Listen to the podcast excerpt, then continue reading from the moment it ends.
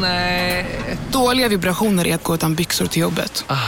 Bra vibrationer är när du inser att mobilen är i bröstfickan. Få bra vibrationer med Vimla. Mobiloperatören med Sveriges nöjdaste kunder enligt SKI. Om en yogamatta är på väg till dig som gör att du för första gången hittar ditt inre lugn, ett lugn du inte trodde fanns, som gör att du blir en trevligare partner, en bättre bilförare, en bättre kock. Du blir befordrad på jobbet men tackar nej för att du inte längre drivs av prestation utan vill göra saker som känns meningsfulla i livet. Och, ja, eller ja, då finns det flera smarta sätt att beställa hem din yogamatta på. Som till våra paketboxar placerade på en plats nära dig och tillgängliga dygnet runt. Hälsningar Postnord.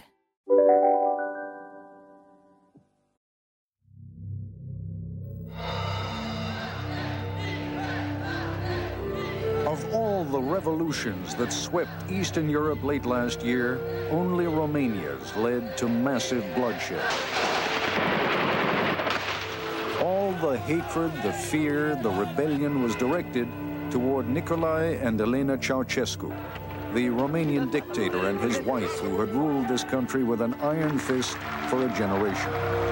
And the rage was also directed against their secret police, the Securitate. It's not overstating things to describe the Romania of Nicolae Ceausescu as a madhouse, in which the lunatics were running the asylum and the inmates were punished for their sanity. Alo! Tovarăș!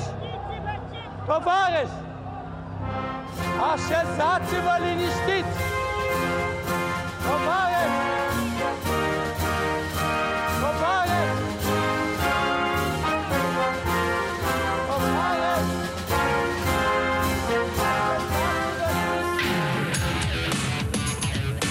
Songs take on a new beat.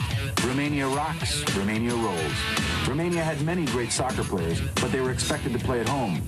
Now things are different. Most of the Romanians play in Western Europe, and when they return to the national team, they bring back new skills, new confidence. Romania has been let loose on the world. Pasează pe partea dreaptă lui Hagi! România!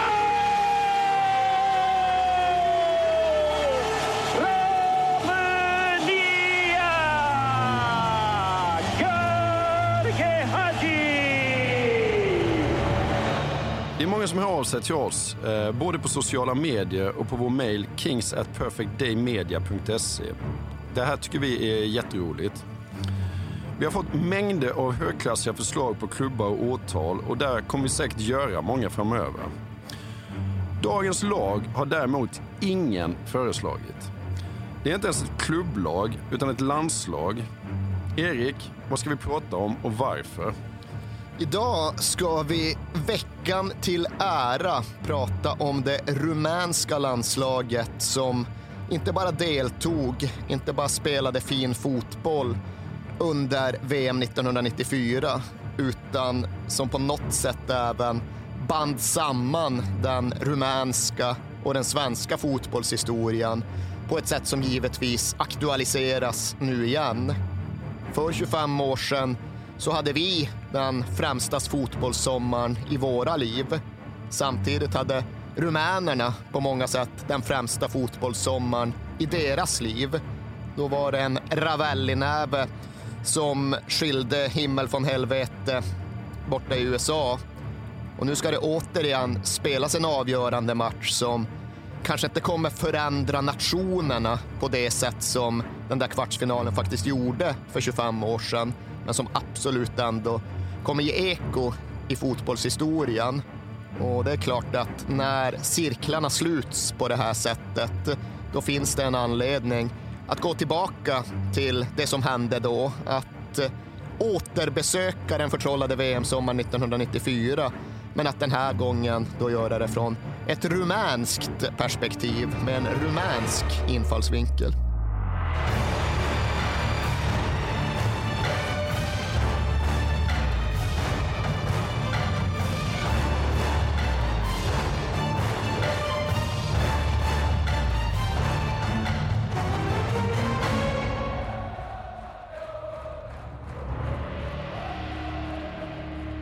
Vi måste faktiskt gå tillbaka i tiden för att 1994 så var det bara fem år sedan eh, revolutionen i Rumänien. Under väldigt lång tid så hade det varit en eh, kommunistisk diktatur med allt vad det innebär. Så eh, hur var fotbollslivet under Ceausescu i Rumänien?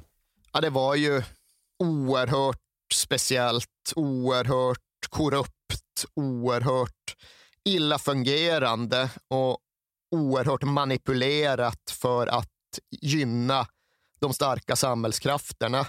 Eh, jag tror egentligen att vi skruvar tillbaks ända till slutet av 1970-talet. För det var väl någonstans då som Ceausescu-styret verkligen började skena. Och det märktes, som det ofta gör, tidigt på fotbollen. Så Nikolaj Ceausescu, diktatorn själv, han var egentligen ingen fotbollsman, men han fick det väl förklarat för sig vilken politisk kraft som fotbollen ändå kunde vara. Och det första exemplet på det det märktes ju här i slutet av 1970-talet då den lilla amatörklubben från Ceausescus egen hemby Skornicest helt plötsligt började susa upp genom seriesystemet. Och det var väl inte så svårt att lista ut ungefär vad det här berodde på. Skornicest, en liten by nere i södra Rumänien, har sisådär 10 000 invånare. Helt plötsligt smällde de upp en arena med plats för 20 000 åskådare. Helt plötsligt gick de upp tre säsonger på raken till punkten där de stod vid tröskeln till högsta ligan, vilket de givetvis aldrig någonsin hade varit i närheten tidigare. Problemet var att det såg ut att bli en målskillnadsaffär i den sista omgången och Oltskornicest, som klubben då hette, skulle behöva vinna med helt eh, fasanfullt många mål för att gå upp. Det stod 1-0 i paus i deras match. Var tror du matchen slutade? Hur många mål behövde de? 15? Ja, de visste inte riktigt själva. Nej. Det var ju beroende av en annan match. Men de visste att det här behövdes lassas på. Liksom. Ja, ja vann väl 15-0 någonting? 18-0. 18-0. 17 ja. mål i andra halvlek. finns någon skröna om att de hade varit ute i omklädningsrummet och typ börjat duscha. Och sen bara, nej det blir mål på andra arenan. Ni måste ut och göra fler mål. All right, ut igen och göra fler mål. Den tror jag väl faktiskt är en skröna. Men allt det här med att Oldskornicest susade upp genom seriesystemet, vann med 18-0 när de behövde vinna med 18-0. Det var ju en högst bister realitet. Och det sa en hel del om vilken fotbollsnation Rumänien var i skarven mellan 70 och 80-tal. Sen följde ett 80-tal då extremt mycket hände och inhemskt präglades hela det årtiondet av en sorts maktkamp mellan Dinamo Bukarest och Steaua Bukarest, vilket då är säkerhetspolisens Securitates lag mot arméns lag. Under den första delen av 1980-talet då var det Securitate, alltså Dinamo Bukarest, som hade övertaget. Det var de som vann ligorna. Det var de som hade greppet om fotbollsmakten.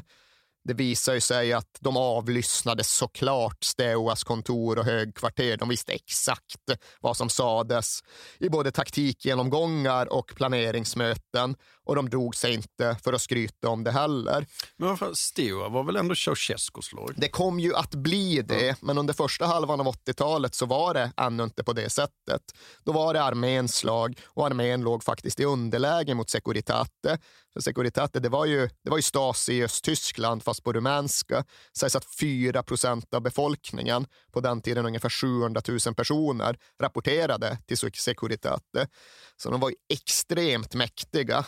Det var så här att ja, när det var derby, då brukade de se till att lokalpolisen i en stad som heter Galati grep Steaua-kaptenen Tudorel Stojkas pappa för han var liksom det klassiska byfyllot. Tog de alltid in honom i fyllecellen kvällen för det derbyt för att Stojka skulle tappa fokus och bli orolig. Det var liksom så det opererades. Men sen så hände ju precis det som du refererar till. Valentin Ceausescu, alltså sonen till Nicolae, blir president för Steaua i mitten av årtiondet. 83 var det och Steo hade då inte vunnit ligan på fem år. De var i tydligt underläge, men nu vände ju maktbalansen helt. Visserligen var det så att Valentin Ceausescu, han var liksom inte den här järnhandstypen typen. Han var inte heller den där playboy-snubben. Ja. Kärnfysiker, Ja. utbildad i London. Familjens udda fågel. Det liksom fanns ett ganska etablerat rykte om att han var nog kanske adopterad, den där killen. Det är nog inte Nikolajs son. Men hur det nu än var med den saken så var han ju också genuint fotbollsintresserad. Så ja, han blev president för Steaua. Ja, det innebar att de fick en helt annan maktposition. Men det var inte så att Eh, Valentin Ceausescu var någon så här galen Gaddafi-typ som tog en klubb och bara gjorde tokigheter med den och liksom avlöste det mer bizarra beslutet med det andra, ännu tokigare. Utan han var väl med den tidens mått mätt en det går inte att säga att han var en sansad president, för han såg ju till att Steaua fick de spelare de ville ha. Han såg ju till att domarna dömde så som de behövde göra. Men han gjorde samtidigt inte Steaua till gökboet, utan de var ju på ett sätt en välskött, välfungerande klubb, vilket ju framför allt manifesterades med att de faktiskt vann Europacupen 86. Det känns också som att han faktiskt behandlade människor på ett väldigt mycket bättre sätt än vad hans pappa gjorde. Alltså de inom Steaua älskade ju honom. Mm. Från spelare till klubbfunktionärer till supportrar. De tyckte ju att han var ja, den överlägset bästa Ceausescun med allt vad det nu innebar. Och det är klart att det delvis handlade om att de vann fem raka ligatitlar. De gick 104 matcher obesegrade i rumänska ligan. Och det hade de ju inte gjort ifall de inte hade haft en särställning som kom med Valentin Ceausescu. Men precis som du säger så var han ändå en förvånansvärt mild, vän och vänlig man mot eh, dem han kom i kontakt med. Men just det där att de faktiskt vann Europacupen, alltså dåtidens eh, Champions League, eh, mot FC Barcelona i finalen, det sa ju en hel del det sa allt om hur bra de verkligen hade blivit under andra halvan av 80-talet. Så vinner de ju Europacupen en gång, går till final ytterligare en gång och når semifinal en tredje gång på fyra år. Så de var jätte, jätte, jättebra. Men allt skulle ju förändras när 1980-talet tog slut. Och en match som de ofta återkommer till själva, det är ju den cupfinalen som spelades mellan de eviga antagonisterna Steaua och Dinamo våren 1989. Stod 1-1 in i slutminuten. Steaua avgör i 89 men ASS-domaren har höjt flaggan, vinkar för offside. Det gör man inte när Steaua avgör i 89 så Valentin Ceausescu, i just den här matchen flankerad av sin pappa, diktatorn själv, att de tar mer eller mindre sina spelare av planen. Nej, man dömer inte bort ett mål för oss i 89 i en cupfinal. Det här ska vi inte ha något med att göra. Så de bara knallar av planen. Och där står Dinamo-spelarna kvar och undrar, vad fan händer nu? Vart ska vi ta vägen med det här? Ja, nu blir vi bortfuskade ännu en gång. Så en landslagskille de hade, som heter Johan Andone, han tyckte det var lika bra att ställa sig framför hedersläktaren, framför diktatorn och göra helikoptern. Det var hans eh, protest mot eh, styret. Och, ja, nej, det, är ju, det är ju ingenting som inte får konsekvenser. Utan visst, eh, Steaua-spelarna gick av plan, så ja, Dinamo tog bucklan, tyckte att de hade vunnit på VO och åkte hem. Men dagen efter så fick de ju höra att det där bortdömda målet, det är godkänt förresten. Det är så postumt godkänt, så Steaua har vunnit. Och du Andone, du som gjorde helikoptern, du må vara landslagsman, men äh, du är avstängd från all fotboll i ett år. Och då var ju känslan att ja, det kommer ju bara förlängas på obestämd tid. Han kommer aldrig spela igen. Och det var någonstans kulmen på 1980-talets diktaturfotboll, regimfotboll i Rumänien. För sen gick det några månader och sen förändrades allt. Rotariu. Hagi din nou. Atac foarte periculos. Rot. Iată șut, gol! Nu! Nu, de la margine se semnalizează offside. Jag ska bara säga också, bara, bara som lite fakta om vad, vad Rumänien var för land under Ceausescu. Därför att det var kanske en av de mest hårdföra kommunistiska regimerna bakom järnridån som behandlade folk väldigt, väldigt illa. Men samtidigt så var Ceausescu väldigt omtyckt i, eh, bland västländerna därför att han sket i vad Sovjetunionen sa. Han gjorde lite som han ville. I OS Los Angeles 1984 då var de enda öststaten som inte bojkottade spelen. Så att i väst sågs han som en ganska eh, bra kille. Landets ekonomi var naturligtvis jättedålig. Han fick för sig att eh, hela utlandsskulden skulle de spara ihop till. Så att människor som redan hade det dåligt fick inte mat på bordet i princip. Samtidigt tyckte Ceausescu att ah, vi har inga pengar, men då ska jag ändå bygga världens största palats. Och det var alltså bokstavligen världens största palats till sin egen ära. Han ville satsa på familjerna i eh, Rumänien och såg till att alla familjer ska ha minst fem barn och har ni inte minst fem barn så får ni böter. Ingen familj kunde få preventivmedel om de inte minst hade fem barn hemma. Och sen en rätt stor skandal som faktiskt har eh, Sverigekoppling, det är att Sverige bjuder in honom på statsbesök 1980. Och det kanske är en grej, men de delar dessutom ut Serafimerorden till honom. Det är den finaste orden som finns att dela ut i Sverige. Det är regeringen som bestämmer att någon ska få det och den delas ut av vår kung. Och Den ges alltså till Nicolae Ceausescu. Och tvisten på detta är att den som får serafimorden, när den personen dör så ska klockorna i Riddarholmskyrkan i Stockholm ringas. Så att 1989, när Ceausescu till slut vi kommer in på detta, men när han då arkebuseras så ska egentligen klockorna i Stockholm ringa. Men då går i alla fall dåvarande statsminister Ingvar Carlsson in och säger att nu får det vara nog. Vi kan inte ringa klockor för Nicolae Ceausescu. Och då kanske vi ska gå in på vad som faktiskt hände 1989. Ja, så det är ju juldagarna 1989 och vi behöver inte veckla in oss i hela händelseförloppet som leder till att revolutionen fullbordas. Men det är ju rätt och slätt fråga om en folklig resning mot en regim och en diktator som tappat all kontakt med verkligheten. Och konsekvensen blir ju att den 25 december 1989, dagen efter julafton, så blir Nicolae Ceausescu och hans fru arkebuserade. De skjuts ihjäl i ett dike på den rumänska landsbygden när de har försökt fly men blivit infångade.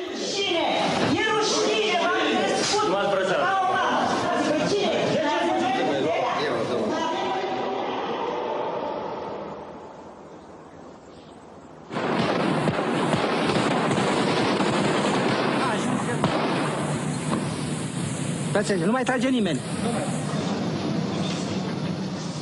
Och det här förändrade allt. Det förändrade allt för landet, det förändrade allt för människorna som bodde där och det förändrade i förlängningen och periferin såklart även tillvaron för fotbollsspelarna och hela den rumänska fotbollsapparaturen.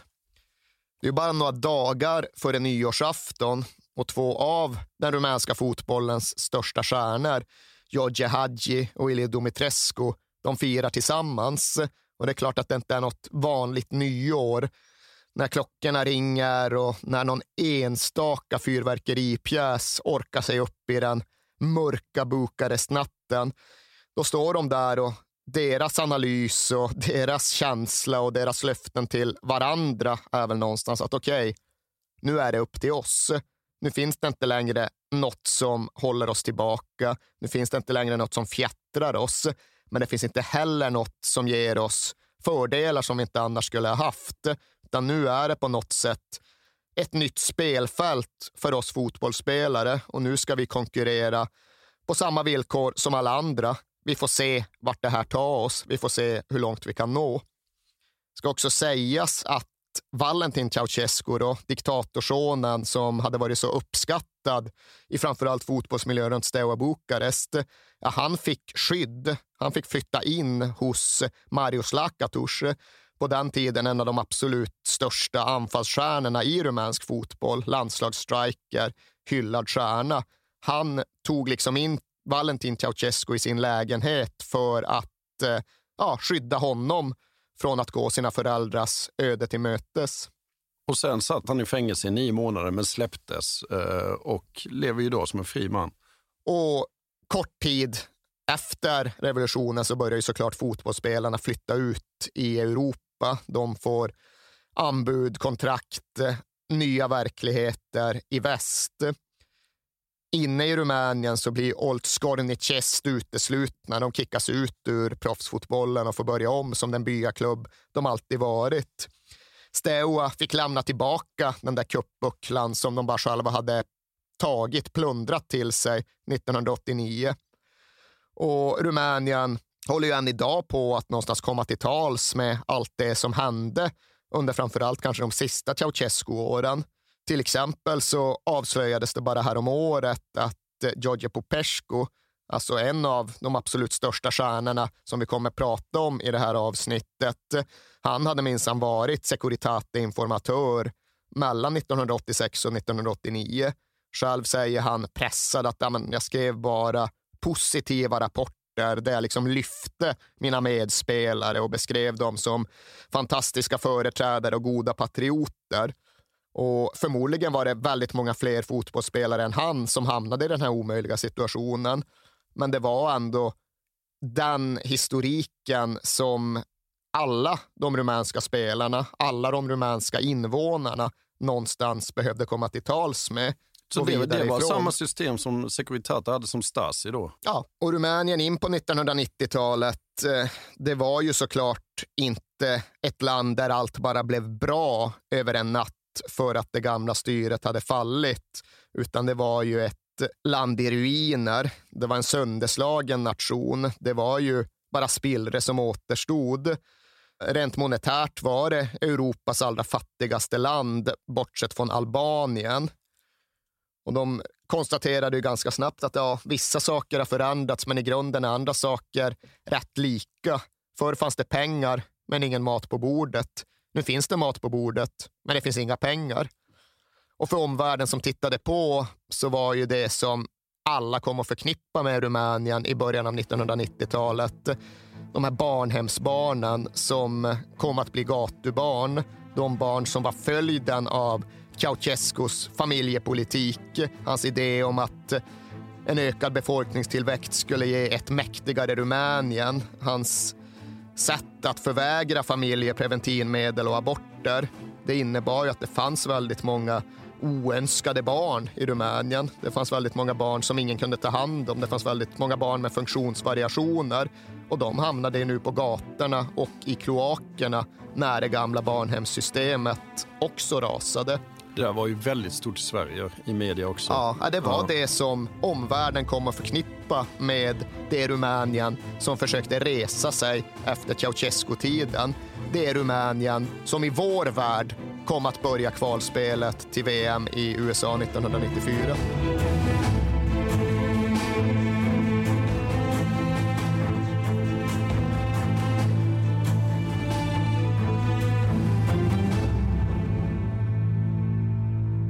Och om vi går in på det eh, kvalspelet, hur eh, gick VM-kvalet då inför USA? Ja, det finns såklart flera olika sätt att mäta det på. Det som gick att konstatera när det väl började, det var ju just att det var uppenbart att det här var en annan typ av fotbollslandslag än till exempel det svenska. När Rumänien började spela bortamatcher i det här kvalet så var ju det som framför allt hände att människor hoppade av. Det var visserligen inte så att det låg någon järnridå i vägen för dem längre, men det var svårt för vanliga medborgare att lyckas fly Rumänien, så många använde sig av fotbollen. I oktober 1992 spelade Rumänien sin första kvalmatch på bortaplan, Belgien borta. 300 fans åkte med till Belgien. Hälften kom aldrig tillbaka andra bortamatchen Cypern, ja, då var det ju bara 90 fans som lyckades ta sig till Cypern. Men även där var det en tredjedel av dem, 30 stycken, som hoppade av, som sökte mer eller mindre politisk asyl på Cypern och på så sätt undkom Rumänien. Så det var ju högst bokstavligt så att det här rumänska landslaget företrädde en möjlighet för rumäner att antingen föreställa sig eller i de här fallen högst konkret hitta ett annat liv och en annan verklighet. Och det, detta var ju eh, lång tid innan, innan Rumänien gick med i EU också, så det var ju visakrav. Bara att lämna gränsen Exakt. Eh, till vilket annat land som helst. Liksom. Och sportsligt gick det inget vidare heller. halvdana resultat under det första kvalåret och sen en direkt katastrof i början av sommaren 1993. De åkte till Kosice för att möta det landslag som faktiskt under den tiden gick under beteckningen RCS. Tjecker och slovakers representationslag. Ja. För Tjeckoslovakien var ju också en nation i sönderfall och under omstöpning. Men de mötte detta RCS och förlorade med 5-2. Och då hade mer än halva kvalet gått och det såg mer eller mindre kört ut för Rumänien. Det skulle inte bli något VM i USA. Eh, och förbundsledningen agerade. De kickade då den dåvarande förbundskaptenen Cornel Dino och ersatte honom med Angel Jordanescu, Steaua Bukares legendar som både hade varit spelare när de vann Europacupen, sen hade varit ASS-tränare och vid den här tiden var manager för klubben. Så han blev den nya förbundskaptenen och han skulle följa med dem genom resten av kvalet till den helt avgörande matchen. För resultaten blev så pass mycket bättre att de i alla fall tog sig till ett läge där den allra sista kvalmatchen skulle avgöra allt. Wales borta. För Rumänien räcker det med ett kryss medan Wales måste vinna. Och Wales har visserligen inte varit i VM sedan 1958 men de har samtidigt inte förlorat på Cardiff Arms Park där matchen spelas sedan 1910. Och det är ett bra walesiskt lag. De går framåt med Ryan Giggs, Gary Speed, Dean Saunders och Ian Rush. Och de lyckas få matchen att kantra i walesisk riktning. Det står 1-1 efter en dryg timme. Wales får straff. Och det här är ju en mytologiserad spark. Det här är väl signifikativt för ett rumänskt lag som skulle komma att definieras så mycket av straffar. En rumänsk fotbollshistoria som skulle komma att definieras så mycket av straffar att eh, vi själva porten mot USA-VM, då går en walesare som heter Paul Bodin fram, säker, rutinerad straffskytt och dundrar bollen i ribban och över. I don't think there's any doubt about that penalty. Wales with the chance to lead 2-1. Paul Bowden to take it.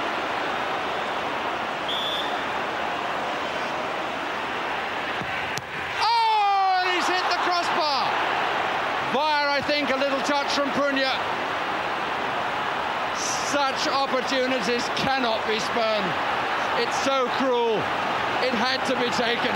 But it wasn't. Nationellt trauma för Wales eh, som egentligen inte släppte förrän 2016.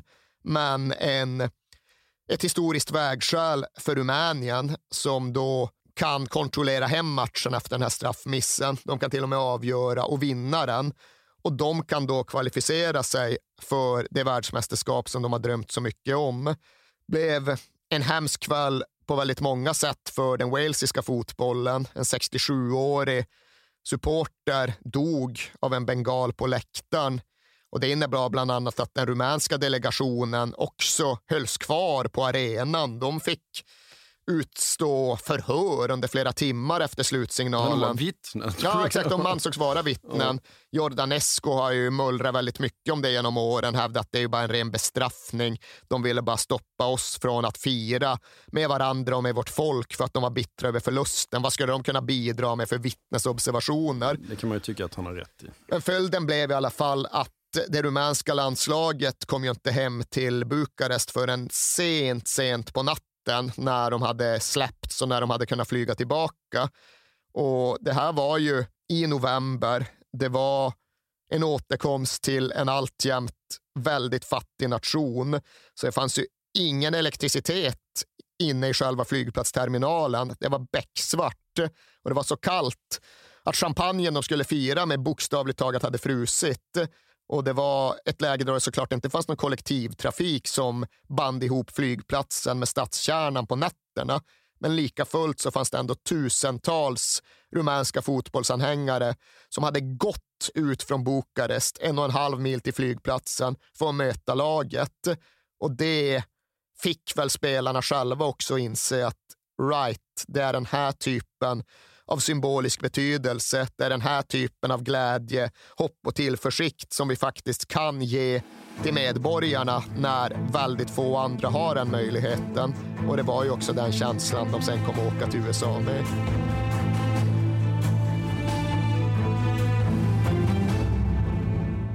Jag vill inleda med att säga att det är garanterad jackpot på 13 miljoner på Stryktipset. Och fy fasen. Ja, visst. Skulle du behöva 13 miljoner eller? Ja, det skulle jag verkligen. Men vi måste säga först att vi är ju sponsrade av Stryktipset. Ett spel från Svenska Spel, Sport och Casino för dig över 18 år. Yes, och stödlinjen.se finns där för dig om du har problem med ditt spelande. Nej, men 13 miljoner ja. jackpot på Stryktipset, det är ju inte fel. Nej, då är det faktiskt dags att ladda en rejäl rad här känns det mm -hmm. som. Vet du vad som inte heller är fel?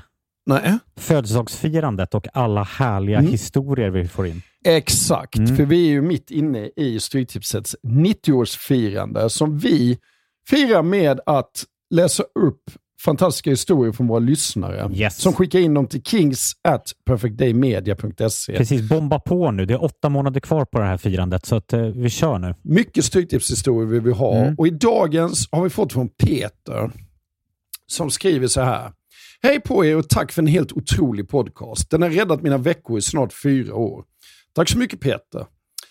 Min historia är ganska färsk, men den om när det vände på stopptid gav kanske inte de största pengarna, men känslan i mig består. Jag spelar ofta för lite mindre pengar på Stryket, följer fotbollen men långt ifrån en nörd. Och allt såg väldigt bra ut senast, förutom på min etta på Manchester United mot Brentford. Mm -hmm. Var ändå väldigt, eh, var ändå väldigt nöjd med hur resten satt. Men på stopptid satte min nya favoritspelare, skotten McTominay, två mål och vändningen fullbordades. 64 rader blev 12 000 kronor. Tack för en bra podd. Det är podd. otroligt. Ja. Tack för en bra historia Peter. Ja, och som man älskar Scott McTominay. Gör man inte det? Ja, det gör man faktiskt. Han liksom kommer in i straffområdet jävligt bra faktiskt. Mm. Vi säger stort tack till våra vänner på Stryktipset. Tack.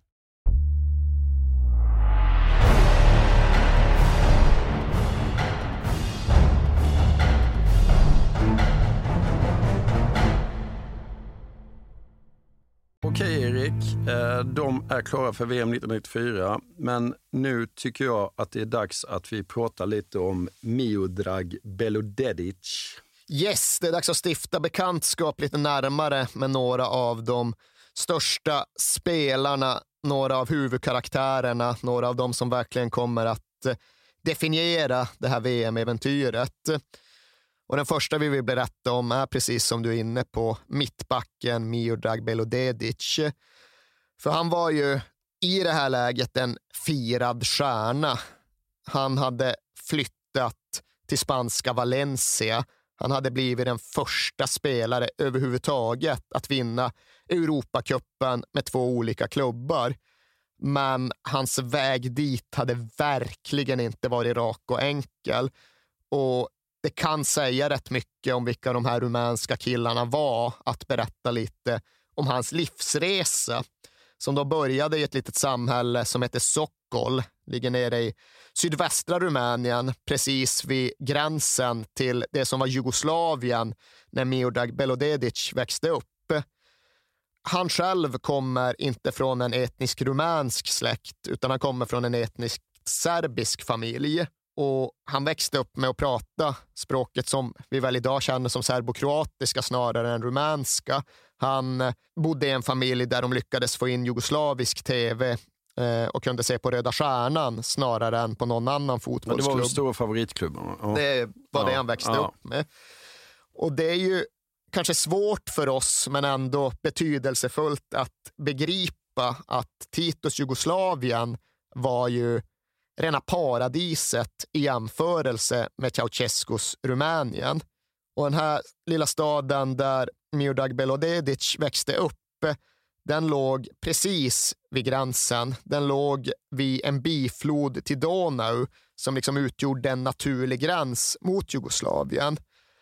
Och det var också ett väldigt militariserat samhälle. Det var jättemycket soldater och posteringar där. Och det var ju inte för att Ceausescus Rumänien skulle skydda sig från någon typ av invasion. det var ju militär som var posterad där för att hindra den egna befolkningen från att lämna landet. Det här var en av de minst fria platserna i ett av världens minst fria länder. Och Meodag Belodedic han har liksom själv berättat om hur det var att växa upp i en verklighet där den rumänska militären på hans sida av floden vägrade låta bybarnen bada överhuvudtaget. De fick inte ligga på stranden och lapa sol. De fick inte hoppa i vattnet. De fick inte göra någonting alls. Och Samtidigt så kunde de bara titta över till den jugoslaviska sidan och där var det ju fritt fram. Där var det stoj och gamman och lek och glädje och där var det barn som skrattade och hade en lycklig barndom. På kvällarna becksvart på den rumänska sidan och de tittade över floden och såg liksom ljusen från den jugoslaviska sidan. Och den här gränsövergången, den kom ju lite i skymundan att bli en av de allra blodigaste i hela 1990-talets Europa. Den eh, är ju såklart inte lika välkänd som gränsövergången i Berlin. Det fanns ingen fysisk mur där, men det fanns en flod. Och exakt hur många som dog där, det är fortfarande oklart, men det var många. Och det var den verkligheten som Miodrag Belodedic växte upp i. Han har berättat om hur han liksom såg kropparna ligga där. Han såg dem sönderslagna, han såg dem sönderskjutna. Och det är klart att en sån barndom gör saker med en människa. Han spelade matcher på byaplanen och så plötsligt avbröts de för att det började skjutas runt planen. Och då var det någon av kompisarna, och någon av killarna från byn som försökte utnyttja tillfället. Ja, nu har de fokus på matchen, då kan jag sticka över floden. Nej, just det, det gick inte riktigt. Ännu en kille ihjälskjuten. Och han kom ju därifrån tack vare och genom fotbollen. Han sögs ju in i hela det här Steaua-maskineriet där Valentin Ceausescu handplockade de eh, största och talangerna och de bästa spelarna. Och Det innebar ju att 1988, då var han både Europamästare och landslagsman. Han var ju en firad medborgare. Han hade ju privilegier och han eh, kunde i jämförelse med väldigt många andra leva ett bekvämt liv. Men han var ju inte tillfreds. Han var inte så, lycklig. Han fick inte ihop allt det där i sitt eget huvud. Det, det är rätt intressant också att när Steaua ville ha honom så ville han ju egentligen inte dit. Men eh, då skickade armén honom till Rumäniens Sibirien. Och efter fyra dagar där uppe så sa han ehm, vill du fortsätta i armén eller vill du spela för Steaua? Ja, nej, de hittade ju ja. sätt att få de spelare de ville ja. på ett eller annat sätt. Och det bidrog ju såklart också till att Miodrag Belodedic lojalitet mot regim och statsapparat inte var särskilt stark. Han ville inte leva i Ceausescus Rumänien, hur mycket fotbollsstjärna han än var. Och visserligen var det ju så att så fort de åkte ut från Rumänien för att spela en Europacupmatch eller en landskamp så fick de passen konfiskerade så snart de landade i Bukarest igen. Men det fanns också lite större manöverutrymme och lite tydligare kryphål.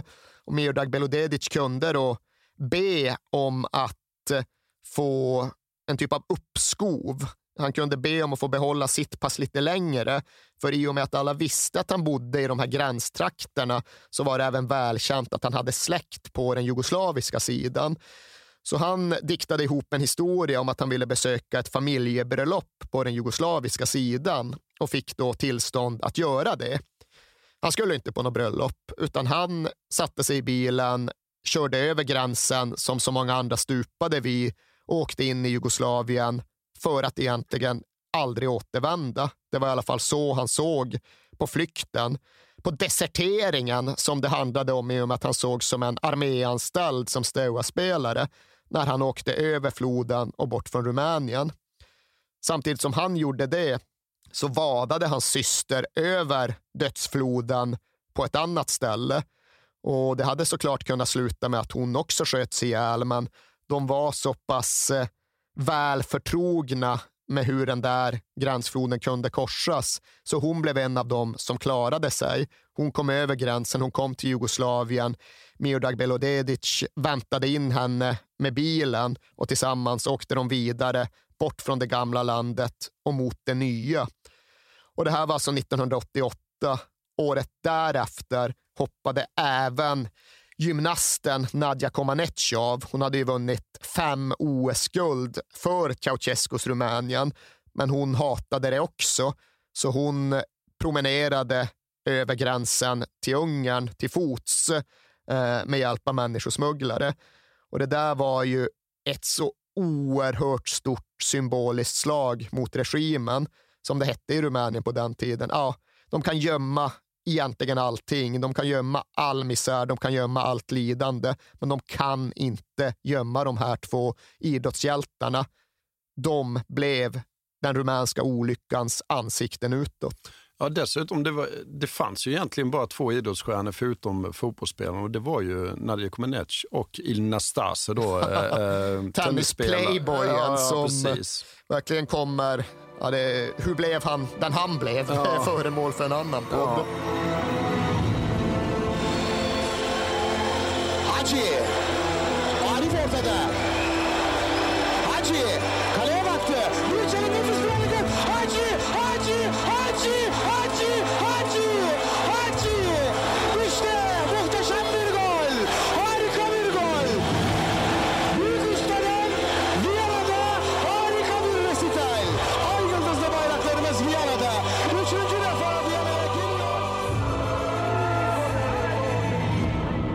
Nej, men det var verkligen så att det var ju några få idrottsstjärnor som företrädde Rumänien utåt. Det var Elena Stase, det var Nadja Comaneci och det kom att bli Georgi Hadji. För han var ju större än någon annan fotbollsspelare. Han var bättre än någon annan fotbollsspelare. Han kom att bli en person som har beskrivits som den allra mest berömda levande rumänen. Det är väl förmodligen så att Ceausescu fortfarande är mer känd. Och ska vi räkna in greve Dracula som en rumänsk karaktär ja. så kanske Hadji får det kämpigt. Ja. Men han är nog den allra mest berömda levande rumänen idag. Och Han kommer ju också från en bakgrund som berättar en hel del om vad Rumänien egentligen var för land under 1990-talet. Och han var väl inte på samma sätt en produkt av diktaturens bistra livsvillkor. Han var bara en produkt av ett underutvecklat land, en förindustriell tid. När man berättar om hans barndom så låter det liksom som att man berättar om Sverige på 1800-talet, en tid före fabrikerna, urbaniseringen och industrialiseringen. Han, han, var, han, var, ju, han var inte etnisk rumän. Ja, exakt, han var ju arumän. Ja, arumän. Ja. Ja, vi ska nog inte fastna Nej. där, men det är väl ändå betydelsefullt att nämna. Eh, vi behöver inte sitta och göra någon form av etnisk uppdelning och kategorisering av precis varenda människa vi pratar om.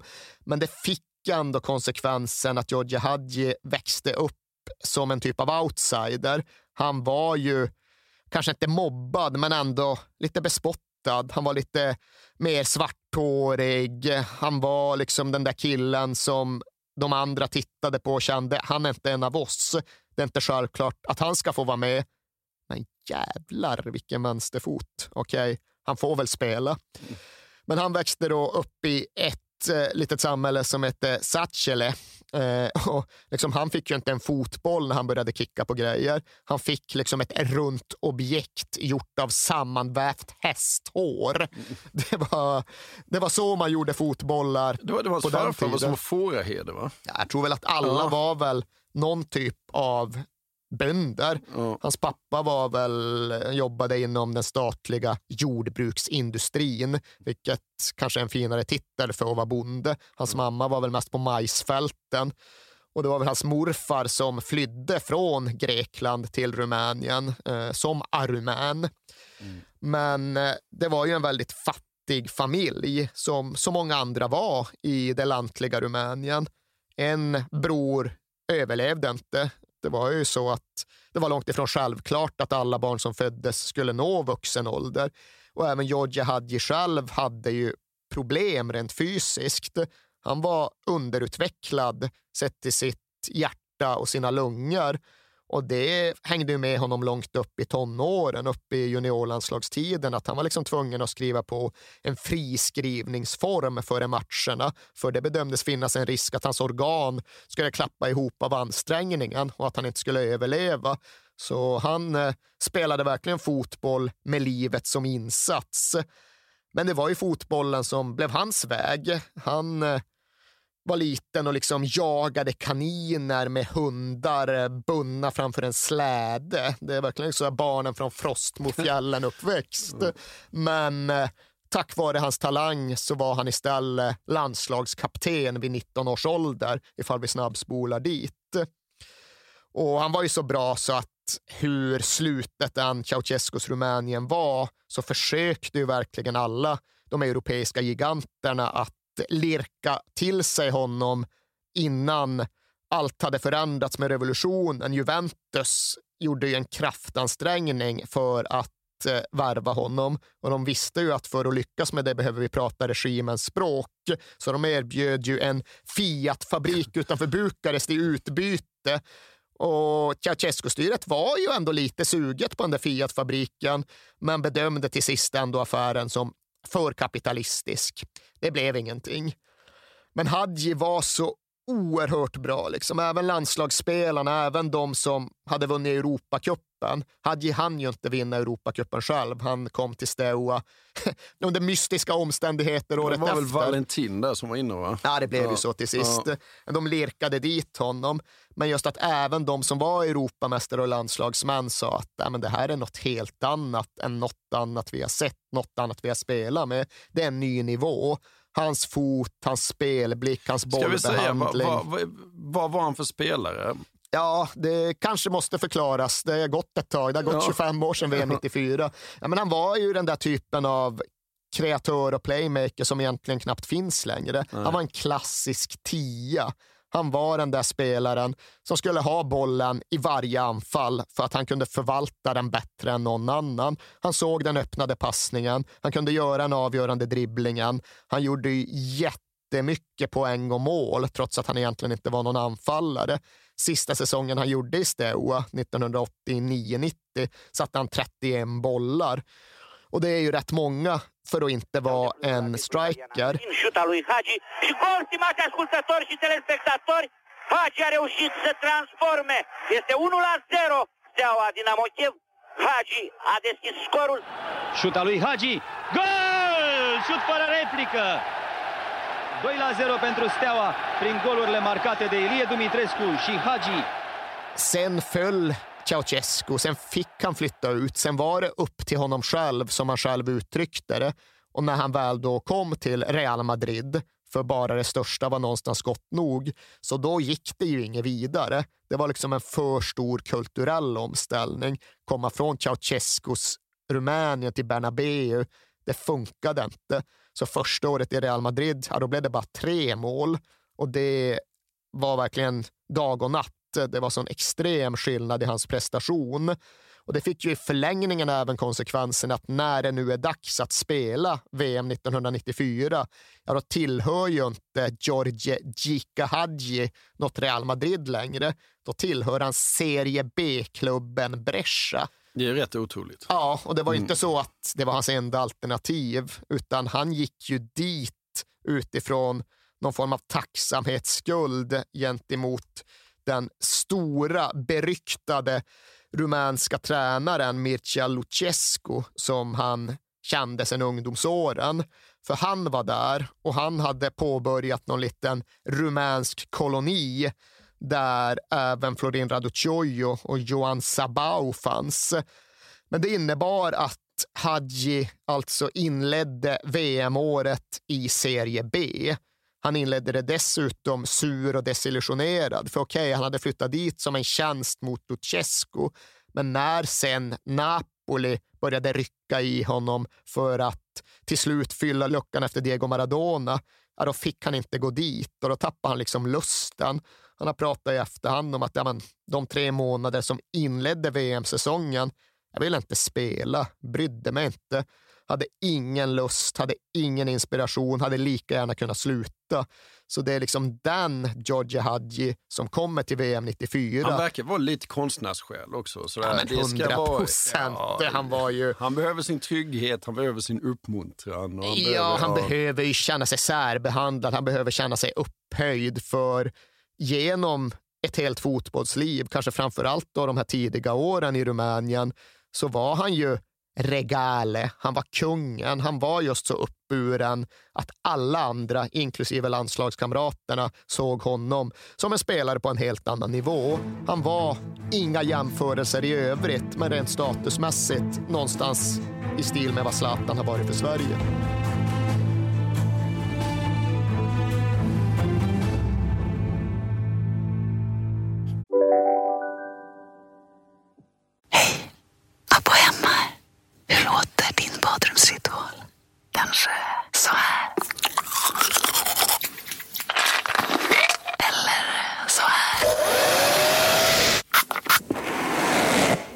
Oavsett vilken ritual du har så hittar du produkterna och inspirationen hos Apohem. På Sveriges största jackpot-kasino går hypermiljonen på högvarv. Från Malmö i söder till Kiruna i norr har hypermiljonen genererat över 130 miljoner exklusivt till våra spelare. Välkommen in till Sveriges största jackpot-kasino, hyper.com. 18 plus, regler och villkor gäller.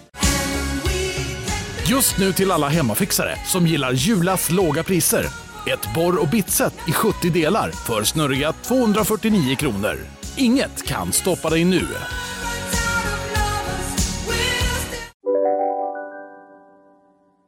Vi är framme vid VM i USA. Vad har Rumänien för lag att ställa upp? Stark, stark trupp. En trupp som både har vuxit upp tillsammans med en väldigt tydlig Steaua-kärna, men som sen också har flyttat ut i Europa och skaffat sig erfarenhet. Vi har Raduciojo som tillhör Milan, mäktiga Milan vid det här laget. Petrescu som är i Genua. Vi har Lupescu som är i Bundesliga och Bayern Leverkusen. Jika Popescu som är i PSV Eindhoven. Belodedic som då är i Valencia och Hadji som visserligen är i Brescia men ändå är Hadji. Därtill finns det en hel del spelare som är kvar i Rumänien men som ska ta det sista språnget ut. Kanske framför allt Ilie Dumitrescu som då är en stor stjärna som fortfarande tillhör Steaua Bukarest. Och det är ett lag som åker till USA med en tydligt definierad spelmodell. Inte så där jätteoffensiv, inte ett gäng som Jordanesco skickar ut för att bara lira lite boll och utnyttja sin briljans för att på så sätt besegra motståndarna, utan ett kontringslag. I stora stycken så försvarar de sig med åtta och kontrade med tre. Och det var då Hadji, Dumitrescu och Raduciojo som både hade fart kreativitet, påhittighet och effektivitet. Jag har sett att Dumitrescu i efterhand, han har jämfört Rumänien 94 med Liverpool av idag och just gjort den där parallellen mellan deras fronttrio och Liverpools fronttrio med Mané, Salah och Firmino. Den är inte klockren den parallellen eftersom att de tre är helt olika spelartyper än Liverpools fronttrea. Men jag fattar just vad han menade där att ja, i grund och botten bollvinst, dra iväg med en satans fart och i det läget utnyttja den individuella skickligheten. Men de försvarar ju sig med ett väldigt stort djup också. Dessutom med Libro. Ja, den gamla klassikern, ja, Som inte finns idag längre. Nej. nej, det är egentligen flera positioner i det här rumänska laget som har utrotats ur dagens moderna hypereffektiva fotboll. Miodrag Belodedic kan inte gå och ta djup som libero längre och Georgi Hadji kan inte glida runt och vara tia på det sättet som spelare var förr. Men 1994 då funkade det fortfarande på det här sättet. Men det är verkligen viktigt att betona och hamra in det här att äh, det var inte ett lag som på något sätt bara kretsade kring att Karpaternas Maradona Hadji skulle trolla med bollen, utan först och främst djupt, solitt, kompakt försvar fokus på det fysiska. Det här var ett rumänskt lag som skulle orka och det var det Jordanescu prioriterade mer än någonting annat när det verkligen skärptes upp och närmade sig VM. De hade ett förläger i Bormio, Italien, där spelarna liksom själva upplevde som att de blev massakrerade av Jordanescu. Han körde så satans hårt under det förlägret. Det var liksom tre träningspass per dag och det var inga lugna träningspass. Och det tempot bibehölls faktiskt sen när de flög över till USA. Och Jordanescu menar ju att det här var helt nödvändigt. Det var det som gjorde det möjligt för Rumänien att prestera i VM. För hade de inte haft fysiken i den värmen, då hade det inte gått. Spelarna var inte lika nöjda och belåtna. Det var upprorsstämning under stora delar av uppladdningen. Det var myterivarning. Det var en situation när förbundsledningen gick in och ifrågasatte Jordanescu så liksom, går det verkligen att hålla på så här? Du håller på att tappa omklädningsrummet och spelarna. Och Sen går väl versionerna lite isär. Jordanescu själv har pratat om hur han verkligen hotades med att bli avskedad och ersatt bara några få veckor före VM. Medan andra hävdade att ja, men, riktigt så nära var det väl kanske ändå inte. Men det var inte den här lugna, harmoniska, gemytliga stämningen som rådde under det rumänska uppladdningslägret. Ja, så mötte de Sverige innan VM också. Ja, klart de gjorde. Ganska bortglömt så här i efterhand eh, med tanke på allt som hände under själva turneringen. Men lite signifikativt att eh, Jordan Esko lät ju inte sina mannar vila sig in i turneringen och Tommy Svensson såg tydligen ett värde av en riktig genomkörare strax innan allt skulle börja. Så den 12 juni 1994, ja, då spelar det svenska och det rumänska VM-lagen en träningsmatch mot varandra. 5 500 åskådare på Trabuco Hills High School såg en 1-1 match. Någon aning om målskyttarna? Eh, Brolin kanske? Ja, det är en rimlig gissning. Hadji, Hadji gjorde såklart ja. mål för Rumänien. Kvitterade för Rumänien efter att Claes Ingesson ah. hade givit Sverige ledningen. Men 1-1 blev det då. Två jämnstarka lag som tycktes svåra att skilja åt.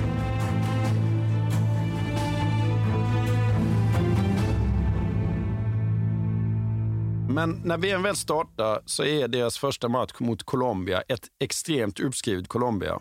Extremt uppskrivet. De hade ju slag i Argentina med 5-0 under kvalspelet. Pelé, denna mästertippare, han slog fast att ja, men Colombia kommer vinna guld.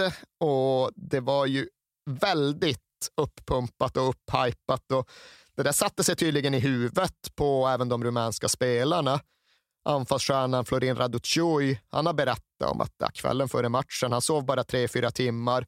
Och det kan väl vara en sak, det kan bero bara på nervositet och anspänning, men nej, han var rädd. Han säger själv att han var rädd. Och när de väl kom ut till uppvärmningen såg 80 000 colombianer på läktarna och började kika in på motståndarna, då växte den där känslan. Aduchoya pratar lite som man själv brukade prata när man spelade liksom skolmatcher som tioåring. Man kollade på motståndarna och tänkte satan vad stora de är. Liksom. Det här blir tufft.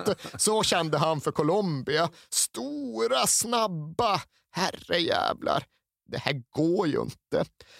Men jo då, Jordanesco han gjorde läxan, satte Lupescu för att mer eller mindre punktmarkera, man-man-markera Valderrama, satte Prodan på Aspria fick stopp på dem och kunde sen då utnyttja den här omställningskraften de hade och kunde utnyttja Hadjis 38.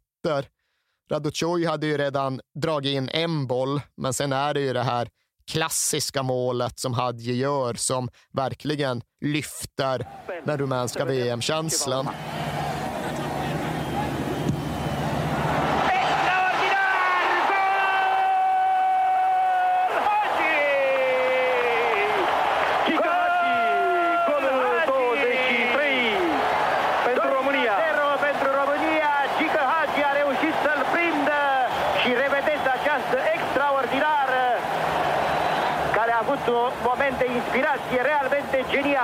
Är det ett inlägg eller är det en... eh, Fråga? Hadji. Fråga Hadji. Jag bestämmer att det var ett skott. Ja, men han kan ju faktiskt argumentera Ja. för det. Han menar att ja, men ni har ju scoutat den colombianska målvakten Cordoba. Jag hade sett exakt vad han höll på med, hur han brukade gå långt ut från målburen i vissa lägen och jag var helt övertygad på att jag skulle testa honom på det sättet. Och han hade ju faktiskt ytterligare något lobbförsök som var väldigt nära att ge ett likartat mål. Men det då lyckades med det var ju den här lyran från 40 meter in från vänsterkanten över målvakten och in i bortre Ja, det är ett burgaveln. fantastiskt mål hur som helst. Ja, det är ju det. Och jag tror ju faktiskt Hadji, jag tror honom där att det var på det var med avsikt. Ja. Han menade att göra det där. Han är för bra för att inte göra sånt. Ja, men rätt mycket så Ja. någonstans.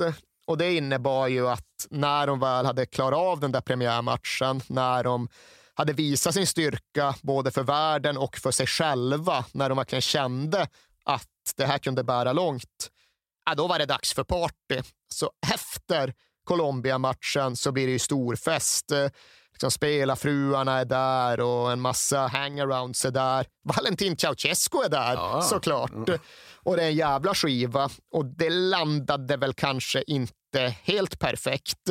För i efterhand har Jordanescu sagt att äh, där släppte jag upp det alldeles för mycket. Det blev för äh, avslappnat, det blev för mycket glädje, det blev för mycket hybris och det blev för stor frihet för spelarna. Han hade någon formulering om att det var mer än bara glädje som hände, som utspelade sig på den där festen. Ja, men vi, vi ska säga också att eh, Rumänien vinner med 3-1. Eh, Hadji gör ett och passar fram till två. Eh, Radu Choya, två mål. Två väldigt stora nyckelspelare är minst sagt inne i turneringen.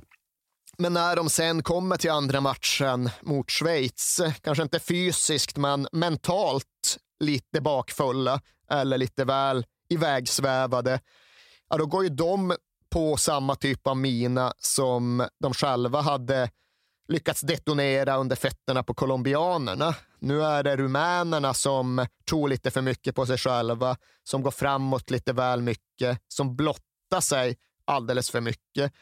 Och även om Hadji dunkar in en vänster som gör att det står 1-1 ganska långt in i matchen, så kan schweizarna springa sönder rumänerna. De kan kontra sönder rumänerna. De kan utnyttja hela det rumänska övermodet.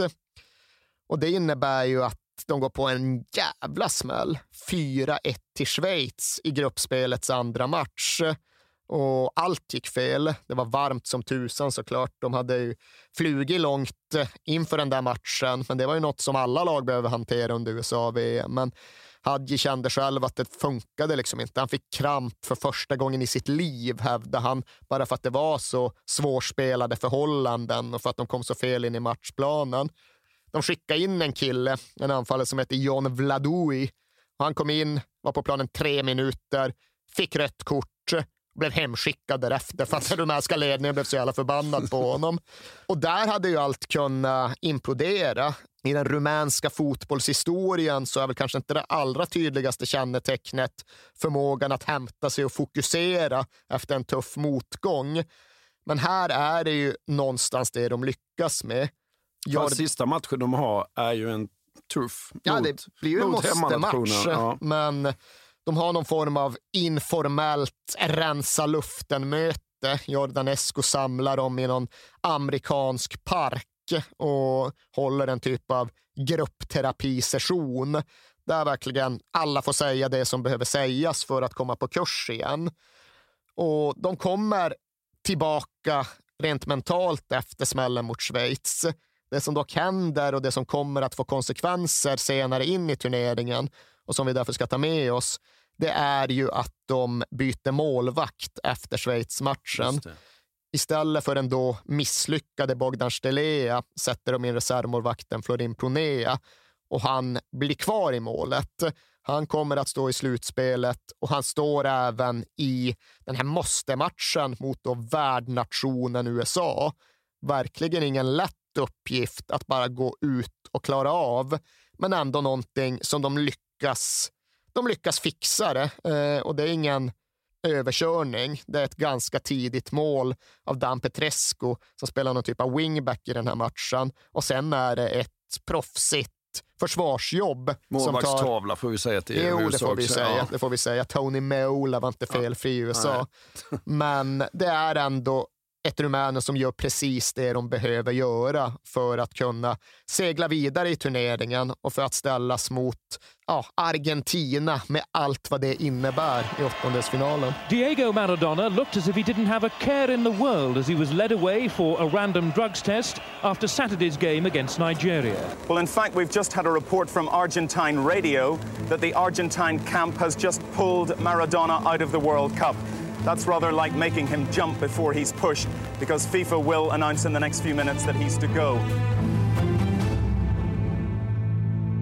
Och det, jag vill inte använda för stora ord, men det är en VM-klassiker. De det är kanske den bästa matchen under hela VM 94. Ja, det kan det nog vara. Ja. Det kan det nog vara. Det är en väldigt spektakulär match där visserligen förutsättningarna förändras markant tre dagar före matchen ska spelas. För det är ju då Diego Maradonas dopningsprov är färdiganalyserat positivt och med innebörden att Maradona såklart inte spelar mer under detta VM.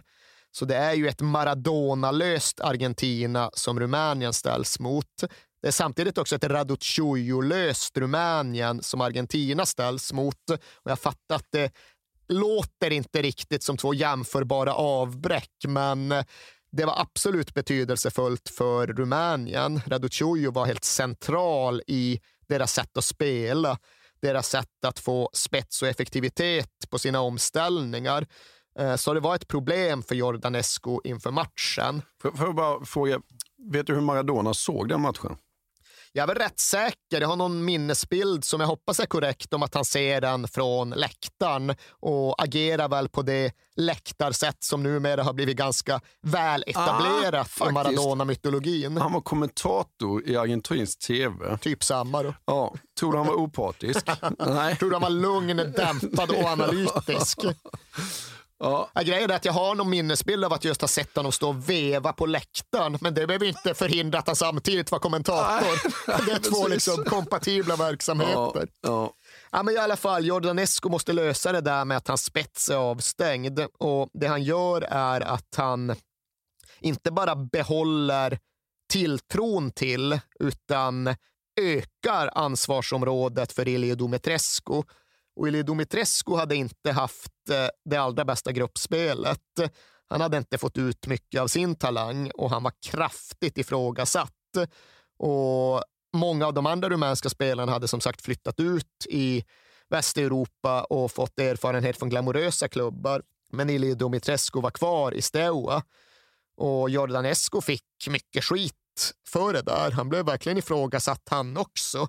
Vadå, ska du bibehålla Dumitrescu? Har du, ska du ha kvar honom i startelvan? Ja, ja, det är som det är. Det är bara för att han spelar för Steaua. Samma gamla korrupta Rumänien på något sätt.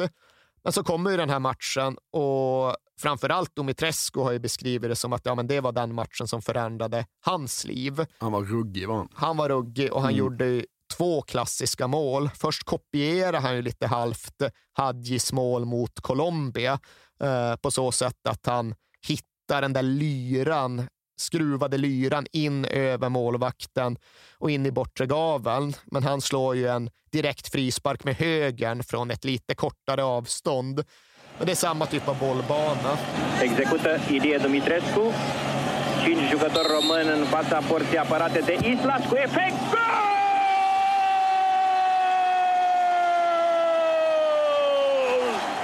Ilie Dumitrescu, România, 1 la 0. Bravo, băieți! Combinație cu Hagi. Centrarea lui Hagi, Ilie Dumitrescu, gol!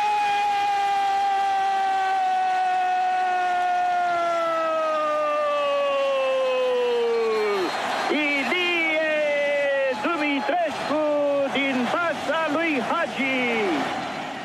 Därtill vinklar han ju in ett jäkla snyggt mål. Kröner ett extremt fint anfall senare i halvleken. Och han missar dessutom i alla fall ett riktigt bra läge därutöver och göra hattrick redan i första halvlek. Blir såklart utskälld av Hadji i paus för det, men eh, får väl ihop det hela bra ändå. Jag ska bara tipsa också om att eh, gå in på Youtube och kolla på det andra målet. Därför att det Hadji gör, den passningen Hadji gör och det avslutet Dumitrescu gör, är, ja, det kan vara VMs snyggaste mål. Faktiskt. Det är något geometriskt jävligt ja, tilltalande i det där. Det ser ut som Torbjörn ja. Blomdahl spelar trevallars karambol ja. på något sätt. Men det är klart att det är en tuff match. Argentina saknar Maradona, men de har ju bra spelare ändå. De har Battistuta de har Diego Simeone och de har ett bra jävla lag som såklart pressar Rumänien. Angel Jordanescu står där mot slutet och kramar sitt silverkors som han har fått av sin 78-åriga präst hemma i Rumänien. Men Rumänien håller ju ut. Jika Hadji gör såklart mål han också med sin vänster och de besegrar Argentina. De går till VM-kvart. Det är en match och en dag som Jordan Esco på presskonferensen efteråt beskrev som den största händelsen, den största glädjeexplosionen som har nått Rumänien sedan revolutionen. Och det var nog helt giltiga ord. Det var precis så stort det var för de hade redan inför den här matchen fått motivationsfilmer visade för sig de rumänska spelarna. Landslagsledningen hade liksom suttit med sina gamla VHS och klippt ihop bilder på allt jublande och all glädje som bara gruppspelet hade givit rumänerna där hemma. Men det här var ju en helt ny nivå. Det här var ju ja, ett party som Rumänien inte hade sett sedan Ceausescu föll och med tanke på hur det var under Ceausescu-tiden knappt ens sen han överhuvudtaget tog makten. Det var liksom den lyckligaste dagen på tre generationer för oerhört många rumäner.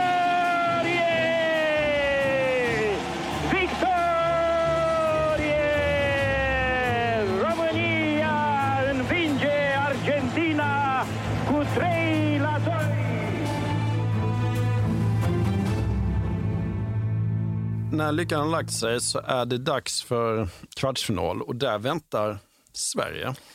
Där väntar Sverige och där väntar väl den match som vi egentligen har pratat mer om än någon annan match i hela vår fotbollshistoria. Men det är ju samtidigt den mest mytologiserade, mest omtalade och mest uppslitande matchen även i den rumänska fotbollshistorien. Den är ju liksom så klassisk att vi behöver liksom inte sitta och gå igenom händelse för händelse och för spark för spark. Alla, även de som inte ens var födda, vet ju att det var 0-0 länge, men att Rumänien sen åkte på den där klassiska svenska frisparksvarianten när Brolin dunkade upp bollen i nättaket. Och sen är det ju nästan klart och färdigt. Sverige ska spela av den där matchen och vinna med 1-0 tills det kommer en flipperkula, en rikoschettboll som landar framför Raducoj med bara några minuter kvar av ordinarie speltid och han lyckas lyfta upp den i krysset bakom Ravelli.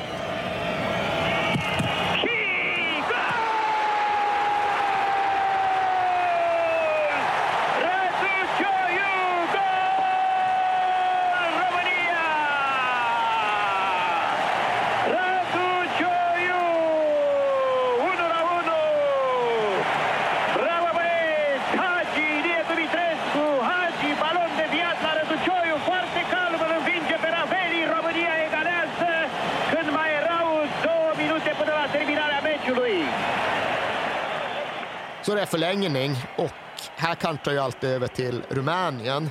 De är 2-1. Raducoj dunkar dit ett avslut och de behöver dessutom bara försvara den ledningen mot ett tiomannamotstånd ja. eftersom att Schwarz blir utvisad. Och de känner ju själva att det är klart. Dels upplever de det som att ja, men, lite bättre än Sverige är vi faktiskt. Okej, de kanske har Brolin, men de har inte Hadji. Men Hadji var inte så bra. Han var man... inte så bra. Och det är väl kanske framför allt i den här fasen av matchen som man kan tycka att han kanske borde ha kunnat ta ännu lite större ansvar. Hålla bollen mer, skydda bollen mer, döda lite tid. Men det finns väl någonting i alla fall ifall man frågar dem själva. Jag ska inte sitta här och göra raljanta stereotypa slutsatser om den rumänska folksjälen. Men de pratar ju själva om att ja, men det finns någonting i oss som gör att när vi tror att saken är klar, ja, men då slappnar vi av. Då blir vi arroganta. Eh, vi klarar inte av att fokusera när vi behöver det. Det handlar om oss som folk, som Ilie Dumitrescu själv sa. Och det som sen händer är ju att Sverige sannerligen inte klarar av att etablera någon forcering. Men Sverige lyfter in en del lyrar och en del inlägg och till sist är det en boll som den, Roland Nilsson? Ja, exakt. Lyrar in den och det är ju, det är ju inget inlägg utan det är just en lyra. Ja. Det är ju lugnt.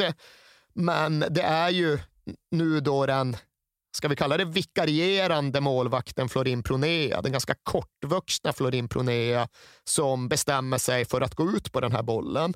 Han ropar min, så Belodedic och de andra tillåter sig själva att slappna av lite grann. Okej, målvaktens boll, men hans hopp, hans timing, hans räckvidd är ju inte bättre och längre och större än att Kenneth Andersson når högst med sitt huvud och skallar in den där bollen i tom bur och eh, fixa straffar till Sverige.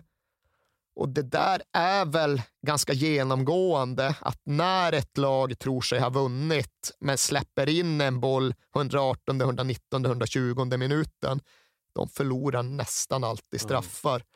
Mm. Belodedic säger ju också att hade inte han skrikit min boll så hade han sett till att Kent Andersson aldrig hade kommit upp på den bollen. Det var ju samlat försvar, ja. välvuxna killar, bra i luften. Så hade det säkert varit. Och det är ju något som de är överens om. Även lagkamraterna som verkligen gillar Pronea säger det att nej, verkligheten är såklart att det är en jättetavla.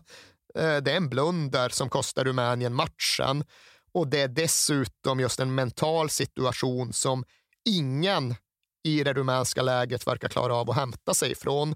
De har egentligen redan förlorat när Kenneth Andersson kvitterar och själva förbannar de i efterhand det faktum att det inte var golden goal. Fifa hade ju börjat mixtra med det redan 93, ja, men inte hunnit införa det till den här VM-turneringen. Tack och lov. Ja.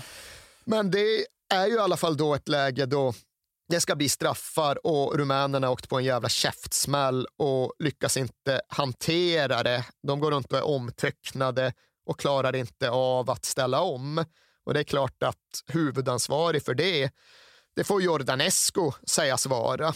Eh, Raduciojo har berättat om. Han kände direkt att ja, eh, sänkte sig ett moln av pessimism över oss och Jordanescu gjorde ingenting för att blåsa bort det. Han verkade själv helt eh, chockad och förvirrad. Han gick runt i sin egen lilla värld. Han liksom svettades och stod och stirrade snarare än att agera och göra någonting.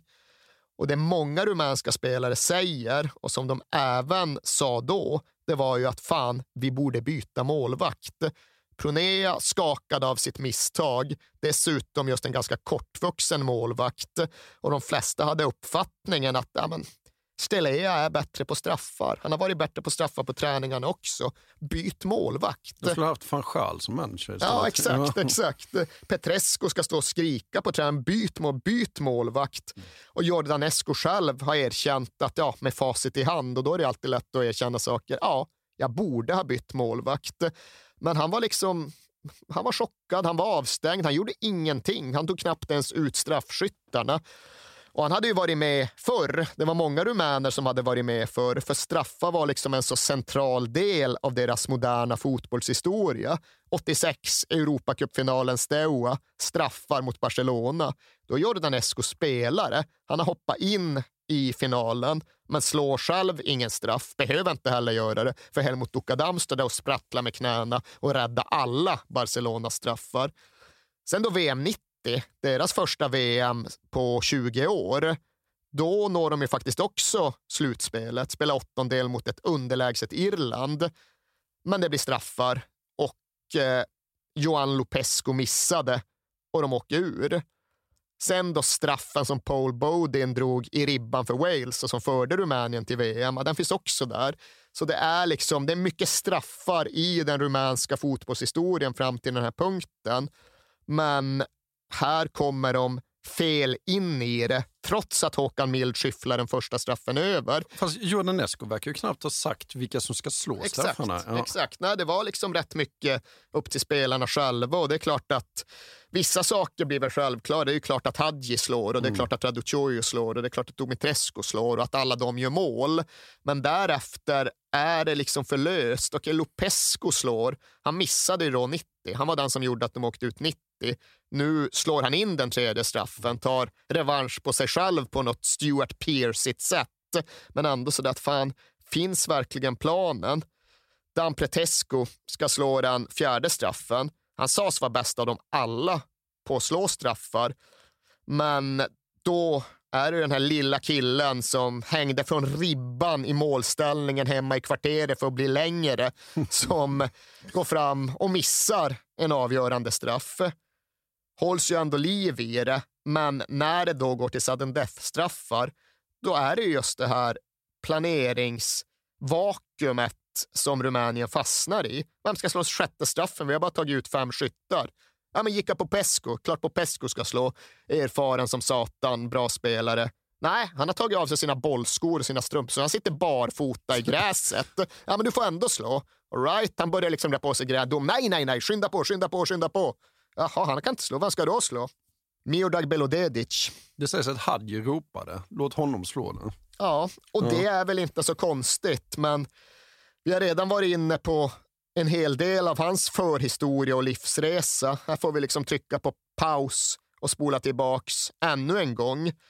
För hans fotbollsliv var ju inte klart och färdigt och inslaget på rak och tydlig kurs i och med att han deserterade från Ceausescus Rumänien där 1988. Nej, nu är han i Jugoslavien. Utan när vi då spolar tillbaka till hans flykt så är det ett osäkert liv som väntar honom där på andra sidan också. För Rumänien är det ju den där enorma prestigeförlusten som vi pratade om tidigare. Så de gjorde ju allt för att försöka få tillbaka honom. De skickade ju över delegater till Jugoslavien för att snacka tillbaka Belodedic. När inte det gick, då skickade de en formell militärattaché. När inte det heller gick, då dömde de ju honom i hans frånvaro till tio års fängelse. För det sågs ju som att han hade deserterat. Steaua Bukarest-spelare var formellt sett anställd av armén och därför var det här en soldat som hade lämnat sin postering, som hade flytt slagfältet, som hade deserterat. All right, tio års fängelse. Tillbaka i Rumänien blev ju hans stora syster och hans släktingar gripna och förhörda och hotade med både fängelsestraff och ännu värre saker. Men han hade bestämt sig. Han skulle inte tillbaka och fotbollen fick det väl bli lite som det blev med. Men han hade ju ändå någon form av plan, idé eller i alla fall dröm. Han hade då vuxit upp med Röda Stjärnan, så efter några dagar i Belgrad så går han ju helt enkelt bara till deras stadion, knackar mer eller mindre på dörren och säger tjena, jag kan spela lite boll. Jag har sett att ni är lite svaga på libero-positionen. Jag kan nog hjälpa er där. Lätt hårdraget är förenklat, men lite så var det ju verkligen. Och som en händelse så var det ju faktiskt så att det var precis den spelaren Röda Stjärnan saknade. De hade makalöst lag förutom den positionen. Ja, de hade en ålderstigen gammal libero. Ja. Men när då Belodedic kommer in i Röda Stjärnan så är det ju ett lag på väg brant uppåt, men ett land på väg rätt mot inbördeskriget.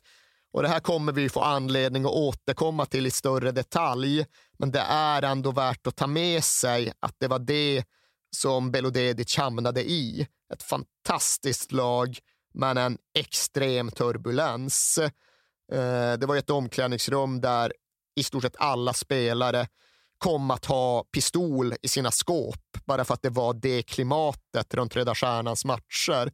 Arkan, den ökände krigsherren, var ju en central figur runt klubben de här åren. Och de åkte ju även till Zagreb, kroatiska Zagreb, för att spela den här matchen som har blivit så oerhört mytologiserad som någon form av inofficiellt startskott för de jugoslaviska krigen. Det är ju då som matchen avbryts, planen stormas, Zvonimir Boban hoppsparkar en polisman som företräder den jugoslaviska statsmakten och eh, båda lagens supportrar mer eller mindre lämnar arenan och åker rakt ut till skyttegravarna. Miodrag Belodedic var där, precis som det tycktes att han var mest överallt. Där historia skrevs, där var han utanför fotbollsplanen, på fotbollsplanen. Han var ju även med och vinna Europacupen med Röda Stjärnan. Blev första spelaren någonsin att vinna Europacupen två gånger om i två olika klubbar och satte ju även en av straffarna som gav Röda Stjärnan titeln. Han, han, blev, han var ju också den enda som vann Europacupen eh, med två östeuropeiska lag. Ja, det måste han ju vara ja. än idag. Ja. ja det är han. Och när då Röda Stjärnan vinner Europacupen på straffar så slår ju Miodrag Belodedic en av dem. Han går fram utan minsta tvekan, borrar ner bollen hårt och distinkt i målvaktens högra hörn, det vänstra hörnet utifrån skyttens sätt. Och det här är dessutom en tid då de jugoslaviska ligamatcherna avgörs genom en typ av straffsparksläggning ifall det blir oavgjort. Och han har slagit mellan 15 och 20 straffar i de sammanhangen. Han har aldrig missat en enda. Och det är med den bakgrunden han går fram för att slå den här straffen. Men det är också lite halvt oförberedd för att han var inte uttagen som straffskytt. Han var inte mentalt förberedd för att vara straffskytten som skulle skjuta den då viktigaste sparken i den rumänska fotbollshistorien. Miodrag Belodedic. Strângeți pumnii pentru Belo.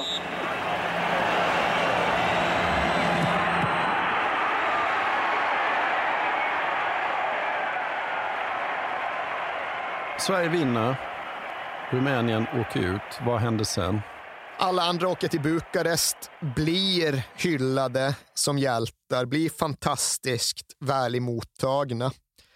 Miodag Belodedic åker däremot till Hawaii, sitter där, tittar på vågorna, funderar över livet. Han hade ju ofta gjort det efter att han hade flytt Rumänien, att han hade tagit bilen, åkt tillbaka till floden som han hade vuxit upp med och tittat över på sin hemstad från den jugoslaviska sidan. Han hade suttit där, tittat på vattnet, funderat på fotbollen, funderat på livet och nu gjorde han någonstans ungefär samma sak fast på Hawaii i en annan tid och en annan verklighet. Men Rumänien i stort hade ju svårt att förlika sig med att det hade slutat så som det hade slutat. De har fortfarande svårt att förlika sig med att det gick som det gick, för deras övertygelse, rätt eller inte, är ju att de inte bara var bättre än Sverige, att de i grund och botten var kanske det bästa laget i hela VM-turneringen. De ser det som att de var jämbördiga med Brasilien och att den semifinal som de hade tagit sig till om de bara hade klarat av Sverige-matchen, det hade varit den moraliska finalen.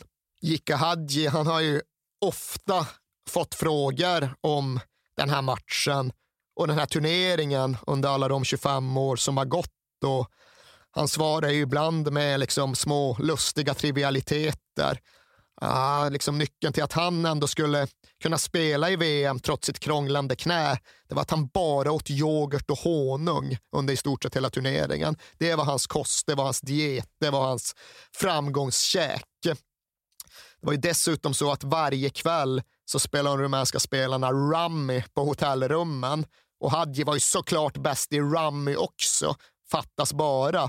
Men kvällen före varje VM-match, då skulle han förlora i Rummy, för då gick det bättre i matchen dagen efter.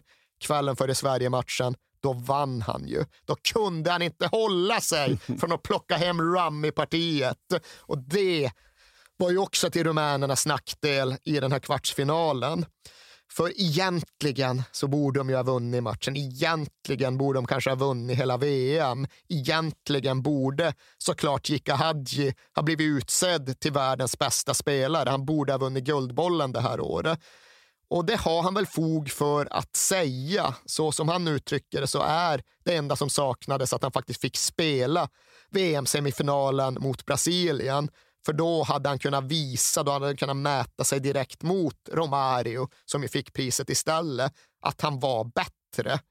Men det är fortfarande med de känslorna som Hadji och som rumänerna pratar om det här som hände för 25 år sedan. Det var fantastiskt. Det var den gyllene generationen. Det var då Hadji blev regalkungen. Det var då Rumänien hade sina lyckligaste dagar eh, sen regimen inte bara föll, utan sen regimen upprättades.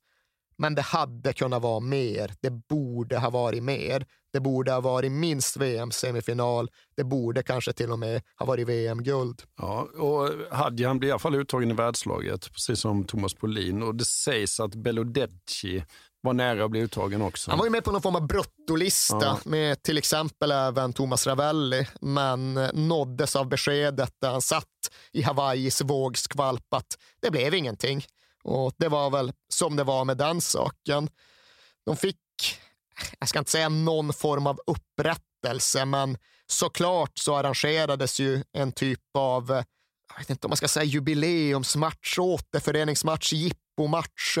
Matchen som aldrig blev spelad skulle i alla fall spelas och den spelades 2005 i den rumänska staden Timisoara. Då möttes det rumänska 94-laget och det brasilianska 94-laget. Romario kom såklart inte, men typ alla andra kom. Och då vann Rumänien med 4-1.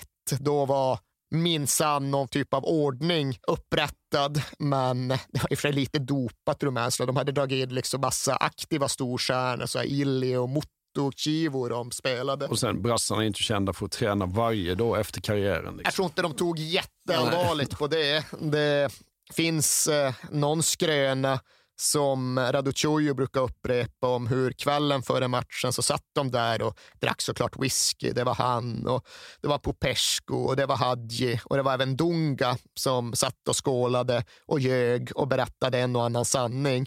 Och då ska då Dunga ha sagt det där om att, ja fan, tack tacka gudarna för att vi inte fick möta Rumänien i VM-semin. Nu fick vi Sverige, det löste vi. Det skulle vi alltid lösa och på så sätt blev det guld.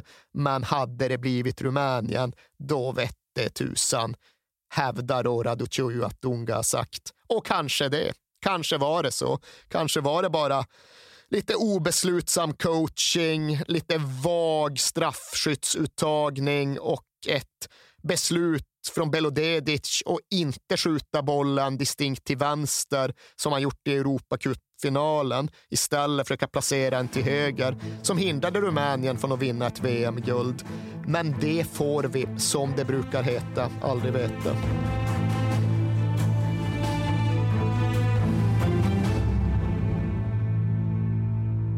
Om några dagar så ska vi spela en ny, förhoppningsvis klassisk match mot Rumänien. Ja, och här finns det ju någon form av förhoppning om att historien ska bli rumänskfärgad till slut.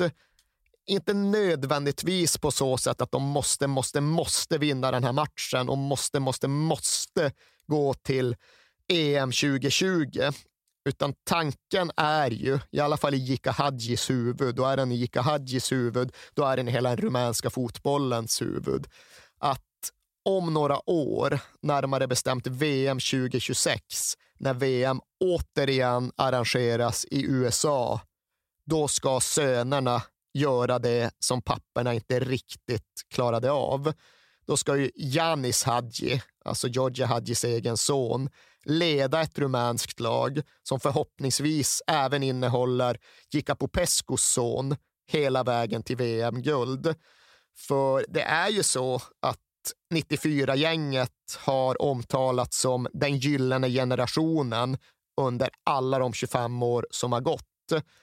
Men nu håller det ju på att växa fram en ny gyllene generation och det är klart att det är jäkligt symboliskt att den anförs av Hadjis son. Att den på så många sätt är skapad av Hadji själv. För det som har blåst nytt liv i den rumänska fotbollen, det är ju det här som det rapporteras väldigt mycket om i de här dagarna. Att Hadji grundade en helt egen klubb, en helt egen akademi som i förlängningen har givit en helt ny rumänsk fotbollsframtid. Nu har de ett nytt gäng. Nu gick de långt i U21-EM i somras, hade mycket väl kunnat vinna det och nu finns det återigen en anledning att tro på den rumänska fotbollen. Och den rumänska fotbollen den är någonstans så synonym med namnet Hadji att det inte går att släppa den där tanken, den där idén på att ja, ge det några år till, ge det ytterligare ett USA-VM, ge det säkert någon straffsparksläggning mot något envis skandinaviskt motstånd då också, men då ska minsann den rumänska tian med namnet Hadji på ryggen gå hela vägen. Då ska rumänerna ta medaljerna som de aldrig fick. Ni har lyssnat på When We Were Kings om eh, Rumänien 1994. Jag hoppas ni tyckte om det. Nästa vecka är vi tillbaka. Som vanligt får ni inte veta vad det handlar om redan nu. Det är jättekul om ni hör av er till oss på kings at perfectdaymedia.se. Vi läser allt och vi svarar på allt också. Ha det så bra till nästa gång. Hej då!